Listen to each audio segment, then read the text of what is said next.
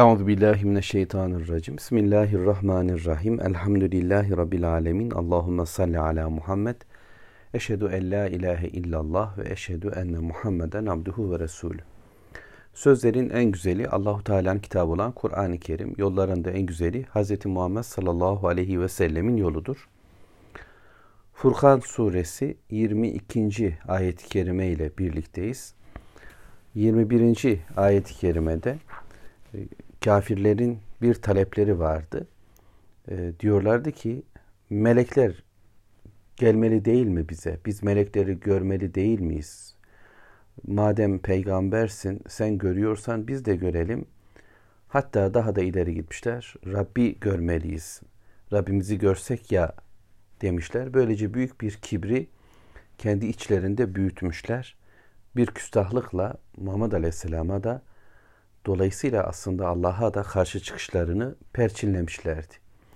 Rabbimiz 22. ayet-i kerimede dedi ki yevme yaravnel melaike yani onlar melekleri görecekler. Evet doğrudur. Ama melekleri gördükleri gün o gün la buşra yevme izillil mücrimin mücrimler, suçlular için müjde yok. Bir sevinç yok. Sevindirici bir haber olmadığı gibi güleç bir yüzle de karşılanmayacaklar. Ne onları karşılayan kişiler ve onların haberleri ne de bu karşılama ortamı ne de kendilerinin yüzlerinde bir gülümseme, bir müjde, bir sevinç, bir muştu olmayacak. O gün sevincin bittiği bir gün kafir dünya için. Bu dünyada kahkahaları olabilir, sevinçleri olabilir, kazandık deyişleri olabilir, galibiyetleri olabilir. Kendilerini böyle hissedebilirler. Ama cürüm üzere bir hayat noktasında yani Allah'a isyan, peygamberi yok kabul etmek, ahireti hiçe sayarak dünyayı esas kabul eden bir hayatın insanı bu dünya bir biticiliğinin olduğunu bildiği halde bir sonrasında hesabın olmadığını kafasına koyduğu için bütün sevinçlerini burada tüketir. Kaldı ki aslında kafirce bir hayatın içerisinde insanlara pek de sevinçli bir halde yoktur. Dünya hayatının tabiatı zaten sevinçlerinin de üzüntülerinin de hep geçici olmasıdır. Sürekli bir değişim içerisindedir Dünya budur. Kafir bu dünyaya meftundur. Mücrim insan burayı merkez kabul eder. Öteyi yok kabul eder. İşte bütün sevinçli haberlerini, bütün coşkulu haberlerini, bütün mutluluğunu buraya ayarlayan kimseler bir gün meleklerle karşılaşacaklar ve onlara müjde yok, sevinç de yoktur. Ne zaman olur bu? Bir ölüm anında olur ölüm melekleri onların canlarını almaya geldiklerinde o an her şeyi anlarlar. Artık bir sevinç ihtimalinin kalmadığını, bir müjde haberinin gelmeyeceğini e, bilirler. O an bunu kavrarlar ve melekler tarafından, ölüm melekleri tarafından canları zorla bedenlerinden ayrılır. Ruhları istemez çıkmayı kirli, pis bir koku ile söke söke onların ruhlarını bedenlerinden melekler alır götürürler. Bu e, kesin karşılaşacakları bir gündür. Bundan sonrası da aynı zorlukla devam edecek süreçtir onlar için. Kabirdeki halleri de böyle, mahşerdeki duruşları da böyle. Hele ki Rabbim korusun cehenneme vardıklarında cehennemin içinde yaşayacakları pozisyonda böyledir. Kıyametin başlangıcı ölümledir her bir fert için ama kıyametin kopmasıyla birlikte de bu duruş onlarda gerçekleşir. Yani müjde yok size. Müjde yok. Böyle bir durumda o yekulune ve onlar da diyorlar ki hicran mahcura tam bir mahrumiyettir bu diye tercüme edilmiş. Kimi meallerde ise sizlere müjde yasak edilmiş, yasak denilir. Yani ya melekler onlarla karşılaştıklarında bunlar da kendilerine Müslümanlara yapılan bir muamele gibi bir şey beklerler. Yani bir cennet müjdesi, bir sevinçli haber. Bunu beklerler belki. Hani gözlerin içine bakıyor. Bir haber gelse, bir kurtuluş reçetesi olsa diye düşünüyor. Ama onu almaya gelen ona diyor ki beklediğin haber yok sana. Yasak. Artık tutuklandın.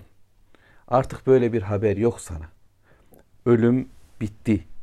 Yani ölüm bile sevindirici bir haberken ölümü de öldürdü Rabbim ve artık senin için ebedi bir azap var. Sana bu haberler, sevindirici bir haber bulamazsın. Bu konuda tamamlandın, yasaklandın.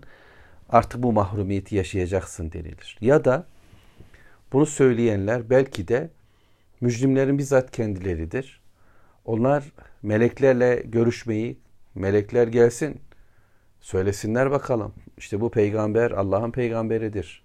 Gelin buna iman edin filan diye hani bunu istiyorlar, bunu talep ediyorlardı. Kendileri de meleklerle karşılaşmak istiyorlardı ya. Onlarla karşılaştıklarınızda sizler diyeceksiniz ki uzak durun. Yaklaşmayın bize. Uzak olun. Geri durun diye bir korkuyu yaşayacaklar ve onlarla görüşmek, kavuşmak da istemeyecekler. Böylesi bir hayatı, böylesi bir son duruşu Allahu Teala bize burada böyle anlatıyor. 23. ayette ise onların niçin bunu yaşadıkları bize izah ediliyor. Furkan suresi 3. ayet düzeltiyorum. Furkan suresi 23. ayet. Ve gadimna ila ma amilu min amelin fecealnahu heba'en menthura. Çünkü iyi olduğunu zannettikleri yaptıkları her bir amelin üzerine yürüyüp onu toz duman etmişizdir. Böyle bir tercüme. Bir diğer tercümeyi de okuyayım inşallah. İşledikleri amellerinin önüne geçip onu havaya saçılmış toz zerreleri yaparız. Böyle de ifade edilmiş. Şimdi Allahu Teala bir takım amelleri iyi olsa da mücrimlerin mücrimlik sadece kumar oynamak, içki içmek, faiz yemek, zina etmek, yalan söylemek gibi suçları, günahları ifade etmiyor. Cürüm Allah'a karşı bir sistem kurma çabasıdır. Allahu Teala'yı devre dışı bırakıp insanların kendi yasalarını, kendi hayat programlarını kendileri çizme tavrıdır. Bundan dolayı Allah'la bu konudaki isyanları kendilerini Tanrı yerine koymalarının dışında bu adamların da hayatlarında bir takım güzellikler, iyilikler, hayırlar olabilir.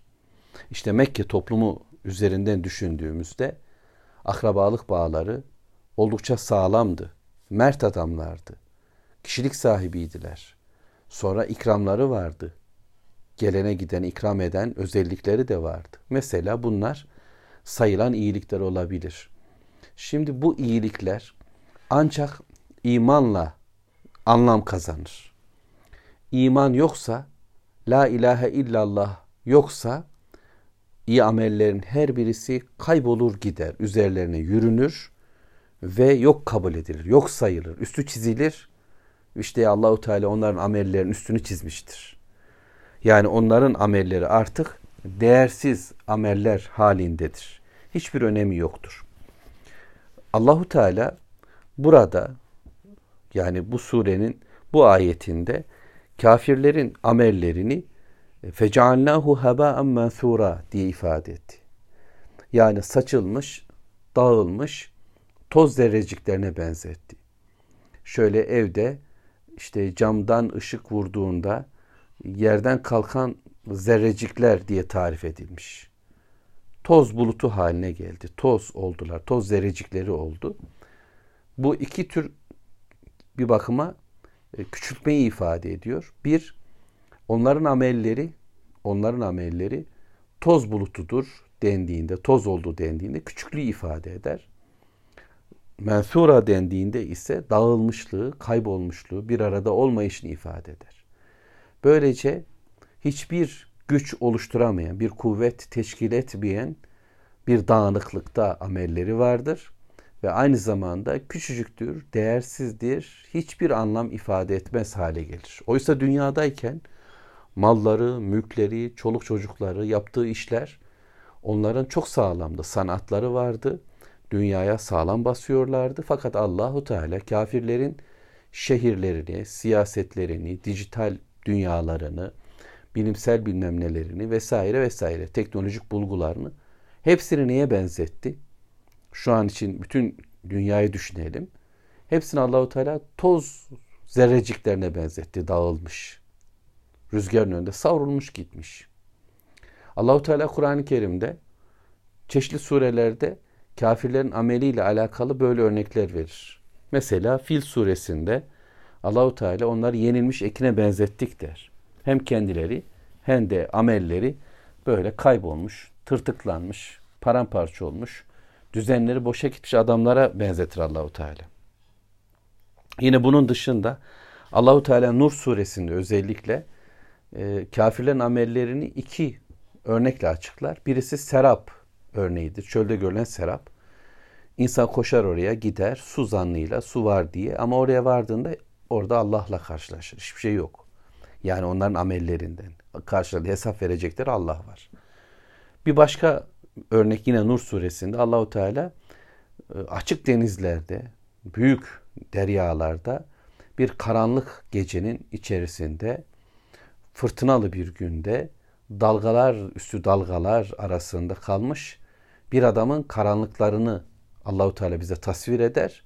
İşte onların amelleri buna benzer der.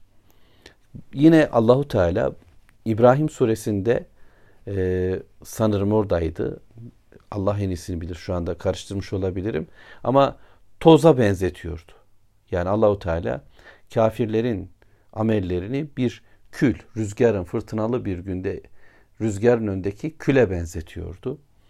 Ee, yine hatırlayabildiğim kadarıyla e, böyle bir kaya üzerinde Bakara suresinde az bir ot var ama yani bir toprak var düzeltiyorum. Orada ekin ekmek isteyen birileri var. Sonra yağan yağmur kaya böyle ortaya çıkıyor. Hiçbir ekin bitmez bir hale getiriliyor.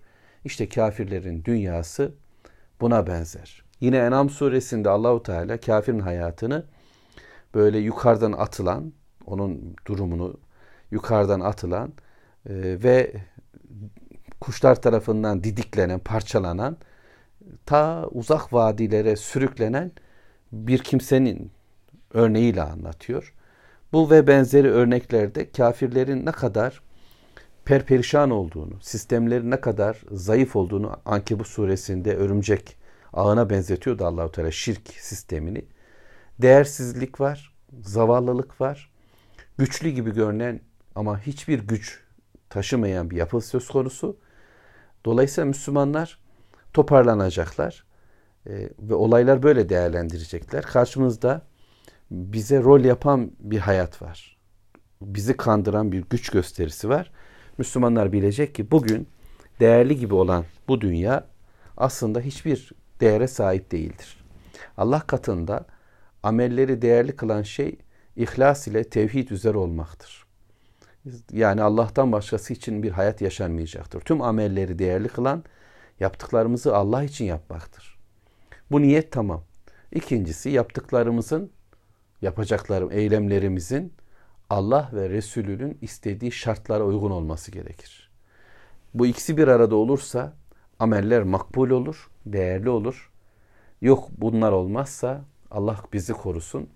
Cürüm üzere bir hayat işleriz. Yani Allah için yapmazsak amelleri, başkaları için bir hayat yaşanırsa ve yaptıklarımızın e, biçimini Allahu Teala çizmiyorsa, yani yasayı Allah koymuyorsa, kıldığımız, ettiğimiz, tuttuğumuz, gittiğimiz her şey bozulur, ifsat olur, işe yaramaz olur. Allah için yapacağız. Allah'ın kitabına, peygamberinin sünnetine uygun bir amel icra edeceğiz inşallah. Velhamdülillahi Rabbil alemin. Allahümme salli ala Muhammed.